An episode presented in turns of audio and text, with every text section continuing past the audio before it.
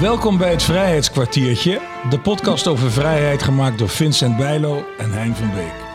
Praten over vrijheid is in een tijd waarin die vrijheid van veel kanten onder druk staat, heel erg belangrijk. Dat doen we in ongeveer 40 afleveringen van een kwartier met allerlei soorten mensen. Kunstenaars, wetenschappers, veteranen, journalisten, tentoonstellingsmakers, militairen.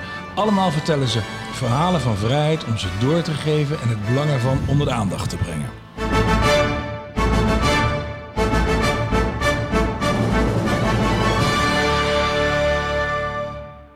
In deze aflevering spreekt Vincent Bijlo met Maaike Snoek. Maaike is cultuurhistoricus. Ze is medewerker presentatie op Slot Loevestein. Ze geeft lezingen, rondleidingen en museumlessen. En gaat met bezoekers in gesprek over de tentoonstellingen en de geschiedenis van het kasteel. Daarnaast werkt ze mee aan de ontwikkeling van museumlessen en andere inhoudelijke vakantie- en themaverhalen. Maaike geeft ook colleges aan senioren- en verzorgingstehuizen, bibliotheken en buurtcentra. Vandaag hebben we het over de factie van Loevestein en Monddood. Maaike en Vincent, aan jullie het woord. Ja, wij zitten hier uh, op kasteel Loevestein. In kasteel. Nou, in, het, in de Pikenier. Wat is de Pikenier, Maaike? De Pikenier is een uh, ruimte in een van de bijgebouwen van het kasteel. Uh, want Slot Loevestein is een kasteel, maar kastelen staan natuurlijk nooit alleen. en dit gebouw waar we nu in zitten, dat heet de commandeurswoning. Waarin de 18e en 19e eeuw de, de commandant, de grote baas van het kasteel, woonde. Zo, en daar zitten wij dus nu gewoon. Ja. De factie van Loevestein, wat, wat behelst dat begrip? Nou, de Loevesteinse factie, dat is uh, een soort van geuzennaam voor de staatsgezinden. Dus de tegenstanders van, van de prinsgezinden, van de, de prinsen van Oranje. En die heten zo omdat in de 17e eeuw, in 1650 om precies te zijn, hier een uh, zestal burgemeesters en raadspensionarissen twee weken gevangen hebben gezeten na een staatsgreep van, van Willem II, van prins Willem II. Die stadhouder was. De stadhouder, ja. 30 juni 1650. Precies. En dit was dus een staatsgevangenis toen, in die tijd. Maar het gaat nog verder terug, want we kennen natuurlijk Slot Loevestein allemaal van de boekenkist van Hugo de Groot. Ja, ja voordat deze burgemeesters hier gevangen zijn gezet, uh, heeft Wil, uh, Hugo de Groot hier gevangen gezeten. Niet alleen Hugo, uh, samen met hem nog een andere raadspensionaris, G um, Gilles van Ledenberg uh, en uit Hogebeet zijn opgepakt. En uit Hogebeet is samen met Hugo hier terechtgekomen. Maar dat conflict is van iets eerder. Dat speelt ja. in 1618, 1619 al. En waarom zaten zij hier gevangen, als we dan toch even bij het begin beginnen? Nou, dat is een uh, onderdeel van een groter conflict tussen weer een stadhouder, de voorganger van Willem II, Maurits. Dus Willem II is een oom. En Johan van Oldenbarneveld. En dat is een politiek conflict, maar ook een geloofsconflict. Uh, en die, dat escaleert. En uiteindelijk krijgt nou, Maurits niet gelijk, maar nee, dat moet ik misschien anders zeggen. Um, Johan van Oldenbarneveld die trekt aan het kortste eind. Die wordt veroordeeld voor hoogverraad, net als zijn, uh, ja, zijn aanhangers, zijn volgelingen, waaronder Hugo de Groot. Uh, en uh, waar Van Oldenbarneveld op het blok wordt gezet, krijgt Hugo de Groot een levenslange gevangenisstraf hier in het kasteel. Ja, Van Oldenbarneveld was, ze weten niet wat ze doen. Ja. Zijn laatste woorden. Hou het kort. Famous last words. Hou het oh, kort. je houdt inderdaad. kort. Ja. Ja. dat zei hij tegen de beul. Ja. Dat is trouwens wel een goede, een goede aanwijzing. ja, liever dan dat het wat gepruts is. Hè. Dat gebeurde ook nog wel eens in die tijd. Ja, precies. Uh, maar, uh, uh, dus Hugo de Grote zat hier, maar die is hier, heeft hier weg kunnen komen. Ja, als er één verhaal bekend is van Loevestein, dan is het wel de ontsnapping van Hugo de Groot in de boekenkist. Waar staat die boekenkist eigenlijk? Ja, dat is een hele goede vraag. Uh, dat is de meest gestelde vraag die hier op het kasteel wordt gesteld door bezoekers. Waar is de boekenkist? En als ze dan onze kist zien, is dit de echte boekenkist? Dat moeten we helaas, uh, dat kunnen we niet bevestigen. Um, er zijn een aantal andere musea in Nederland die ook een, uh, een kanshebber hebben. Maar hoogstwaarschijnlijk is de echte kist jaren geleden al, al vergaan, verloren gegaan. Ja, die kan ook gewoon verzaagd zijn tot brandhout of zo. Ja, ja nu Want is het waar een kwam heel... die aan met de boekenkist? In Gorkum, of niet? Ja, in Gorkum. Hij is vanuit hier het kasteel uitgesjouwd. Uh, in een bootje gezet, de rivier overgegaan naar Gorkum. En daar uh, is hij bij een, een, vriend aangekomen, de familie Daatselaar. Die hebben hem uh, uit de kist geholpen. Uh, ik kwam hij letterlijk in zijn hemd uit de kist geklommen. Um, ze hebben hem wat kleren meegegeven. En vanuit hier is hij uh, met een omweg via Waalwijk en Antwerpen in Parijs beland. Ja, en Hugo de Groot, waarom we hem nou behandelen, en dat gaan we nog een keer uitgebreid doen. Want Hugo de Groot is een zeer belangrijk man geweest. Want hij is eigenlijk de vader van het internationaal recht, maar ook van het oorlogsrecht geweest. Dus. Hij heeft heel veel uh, betekend, want er zijn nu nog steeds boeken van hem die uh, op uh, alle rechtenstudies verplicht zijn. Ja, een van de eerste colleges die je krijgt, in ieder geval die ik kreeg toen ik in Utrecht studeerde, daar werd gevraagd wie weet wie Hugo de Groot is. En dan was niet het juiste antwoord, ja, die man die ontsnapte dus uit de boekenkist, nee. maar de man van de Jure Belli Akpaatjes over het recht van oorlog en vrede. Ja, precies. Uh, en dat is een van de grondbeginselen van, van het internationaal recht, inderdaad. Oké, okay, maar dan gaan we nu even verder naar 1650. Want toen waren dus die zes, uh, zes burgemeesters, waaronder de vader van de gebroeders de Wit. Ja, Jacob de Wit was een van de, van de gevangenen, inderdaad. En het is wel interessant om dan over te springen van het oorlogsrecht naar, uh, naar 1650. Want ook oorlog is daar een van de, uh, de oorzaken van. Mm -hmm. Of beter gezegd, het beëindigen van een oorlog, namelijk de 80-jarige oorlog. Ja. Die, um, die loopt in 1648 af, of de vrede wordt getekend bij Münster. En dat is een van de, uh, de oorzaken van het, ja, van het conflict, wat uiteindelijk tot die, uh, die dag in 1650 zal, uh, zal plaatsvinden. Omdat de Orangisten er wel wilden vasthouden aan, aan veel leger en wapens en, en de staatsgezinden niet. Ja, specifiek gezien Holland, de, ja. de staat Holland niet. Ja. Want uh, historisch gezien hadden de Staten van Holland het meeste betaald aan de, uh, aan de oorlogsvoering. Uh, zeker de helft. En daarvan am betaalde Amsterdam daar weer de helft van. Mm -hmm. En oorlogsvoeren kost heel veel geld. Het leger behouden kost heel veel geld. En het leger is een logische uitgave ten tijde van oorlog. Maar op het moment dat er geen oorlog is, ja, waarom heb je dan nog, nog een groot, een duur leger nodig? Ja. Maar um, Frederik Hendrik I, de vader van Willem II voor hem en later Willem II, uh, dat zijn stadhouders. En stadhouders, dat waren de legeraanvoerders. En hun, ja, hun grootste taak, hun macht, lag in het, het aanvoeren, aanbesturen van dat leger. Ja. Dus een uh, bezuiniging op dat leger was een directe bezuiniging op de macht en invloed van die stadhouder. Ja, dus daar ontstond dat conflict dan door. Ja. Maar dat liep blijkbaar dan zo hoog op dat Willem II besloot om, om ze vast te wat, wat, was die, wat was dat voor actie? Ja, Willem II die was het natuurlijk niet eens met de bezuiniging. Uh, die, die tekende protest aan. En die kwamen in, uh, ja, in conflict. En hij heeft geprobeerd om dat, Willem II heeft geprobeerd om dat op andere manieren op te lossen. Door um, machthebbers in Holland te paaien. Uh, de gebroeders Bikker waren hele belangrijke mensen in Amsterdam. Die heeft hij eerst geprobeerd met allerlei beloftes uh, te paaien. Toen dat niet werkte, is hij op een andere uh, voet verder gegaan met een, een heuse uh, pamflettenoorlog.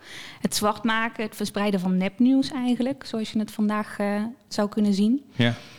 En daarmee probeerde hij ervoor te zorgen dat, dat de staten, um, want niet alleen Holland speelde natuurlijk, had invloed. Er waren ook andere staten die wel waren voor wel voor waren voor het voortzetten van de oorlog, ofwel het behouden van het leger. Mm -hmm. Grensstaten bijvoorbeeld.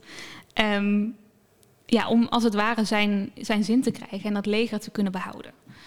Um, dat lukte voor een deel, maar uiteindelijk um, kwam, uh, kwam het, liep het zo hoog op dat Willem II besloot: ik moet van van die, die machthebbers af. Ik moet laten zien wie, ja, wie... Wie hier de basis is. En toen, toen pleegde hij de, de, de staatsgreep. Maar waarom hebben ze zo kort vastgezeten? Nou, die staatsgreep, die uiteindelijk lukt het wel, maar het is niet een hele um, uh, mooie, eh, chique staatsgreep. Want wat, wat Willem II doet, is hij laat de burgemeesters en pensionarissen samenkomen in Den Haag voor een vergadering. Eh, dat gebeurde regelmatig, dus dat was niet zo vreemd. Maar hij, in plaats van dat ze gaan vergaderen, laat hij ze opsluiten op Loevestein. En een tweede stap, op diezelfde dag, eh, stuurt hij een leger naar Amsterdam. Dat lukt niet helemaal. Dat leger raakt verdwaald en wordt ingehaald door een boodschapper uit Berlijn. Die komt langsrijden, die ziet dat leger en eh, komt aan in Amsterdam en, en waarschuwt ze. Oh, dat is aardig van die boodschap. Ja, dus Amsterdam, die, die, is- ja, de stad is klaar, de poorten zijn dicht en dat leger kan niet naar binnen. Eh, maar het belegert de stad wel. Dus het, er komt een soort van padstelling. Mhm.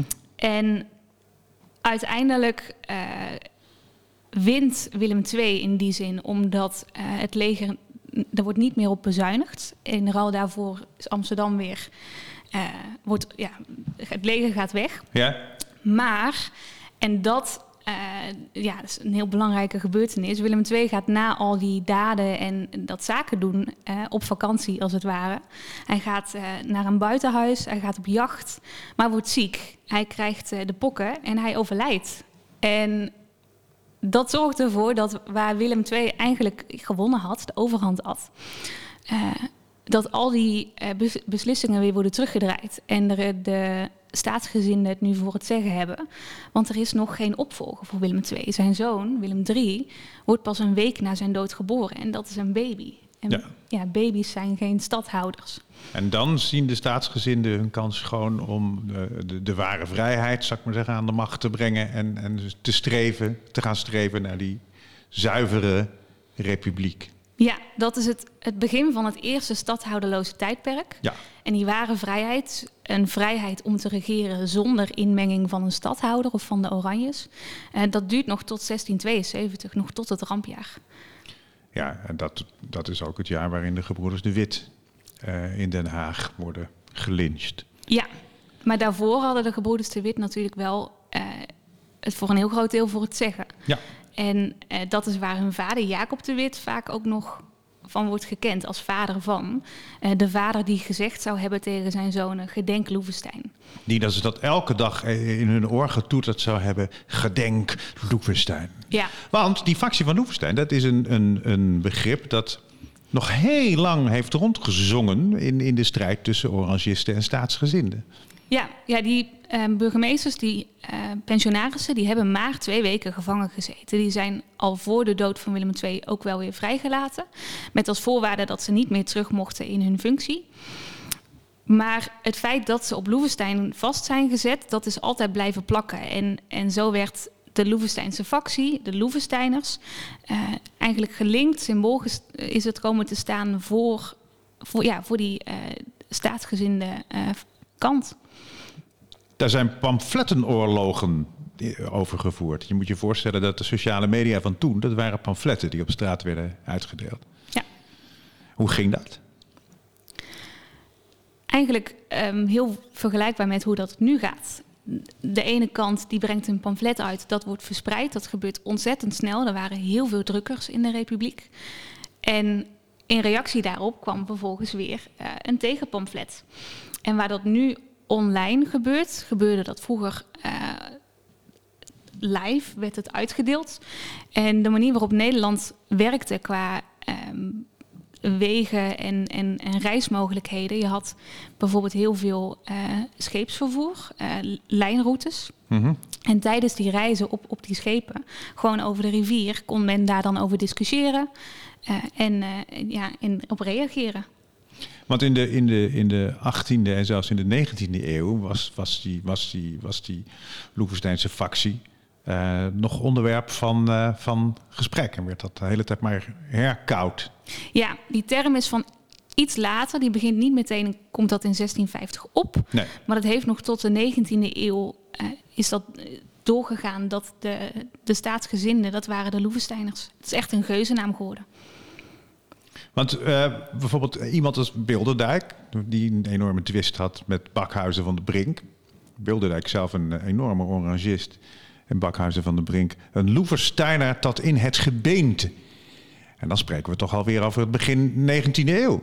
Ja, ja, maar die keek echt terug naar die 17e eeuw. Ja. Ehm, tussen die, ja, die twee groepen, dat, eh, dat, eh, die strijd.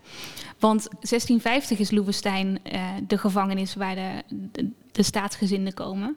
Maar dat zie je natuurlijk ook eerder al. De, de strijd tussen Van Oldenbarneveld en Maurits. Is Ja, Loevestein tuurlijk. ook een plek waar dat de verliezer als het ware wordt gezet. Ja. Dus de hele 17e eeuw speelt Loevestein in die zin een rol in, in die strijd. Is het een, een achterliggende ehm, dreiging? Maaike, als we kijken hè, nu de, de, de huidige jeugd, hoe bereik jij ze? Hoe bereiken we ze? Met je verhaal, ja. vind ik een hele goede Voordat vraag. je hier bent, het is prachtig, hè? het het is geïsoleerd. Ze hebben ze slim aangelegd, laten we eerlijk zijn, in Ja. die tijd al. Ehm, ze moeten hier wel naartoe komen. Ze of jullie gaan naar hen toe. Hoe ga je dat doen? Ze moeten hier wel naartoe komen, inderdaad. Nou, één manier om naar de jeugd toe te gaan, dat is bijvoorbeeld deze podcast. Ja. Als de jeugd iets doet, eh, dan is het eh, op sociale media en online eh, zitten. Ik voel me trouwens heel erg aangesproken nu. Dan vraag ik me af, tot wanneer ben je jeugd?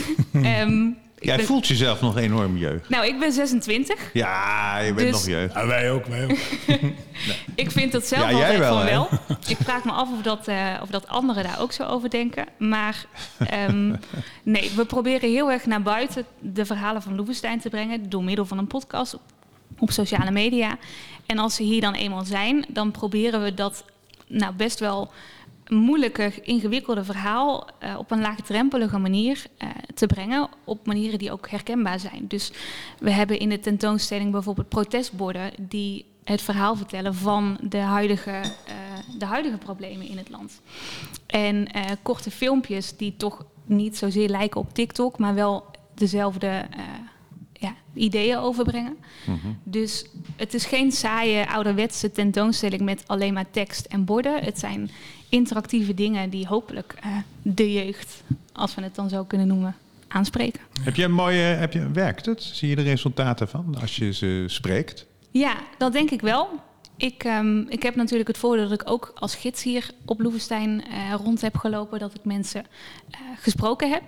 En we werken ook samen met middelbare scholen uit de buurt, waarin we leerlingen zelf laten kijken wat vinden jullie van de tentoonstelling en wat zouden jullie aanpassen, wat, wat klopt volgens jullie, wat moet anders. En dan krijgen we heel mooi direct feedback van dit vinden we leuk of waarom doen jullie niets meer met bijvoorbeeld eh LHBTIQ plus eh, gemeenschappen, want dat ontbreekt volgens hun bijvoorbeeld nog. Ja.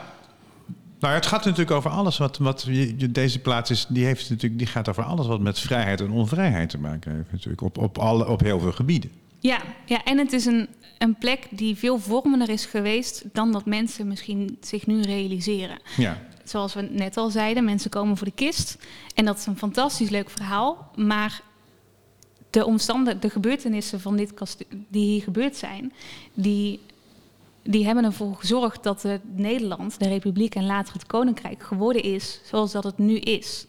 Dus in die zin is het misschien belangrijker om over te lezen of over te leren dan dat het nu wordt. Nou, het is heel interessant, omdat je ziet hier letterlijk hoe men worstelde met het, met het opzetten van een staat. Met het opzetten van een. Ja, er waren natuurlijk nog geen politieke partijen, maar er was wel een soort interne democratie al in die, in die, in die zeven of in die provinciën. En dus je, de, de, de worsteling om tot een, uiteindelijk tot een democratische staat te komen, waarin wij nu leven, die wordt hier natuurlijk ook zichtbaar in dat proces. Ja, ja, absoluut. Mag ik je enorm bedanken, Maaike? Graag gedaan. Dit was het eh, Vrijheidskwartiertje, gemaakt door Hein van Beek en Vincent Bijlo. Muziek, Kilian van Rooij.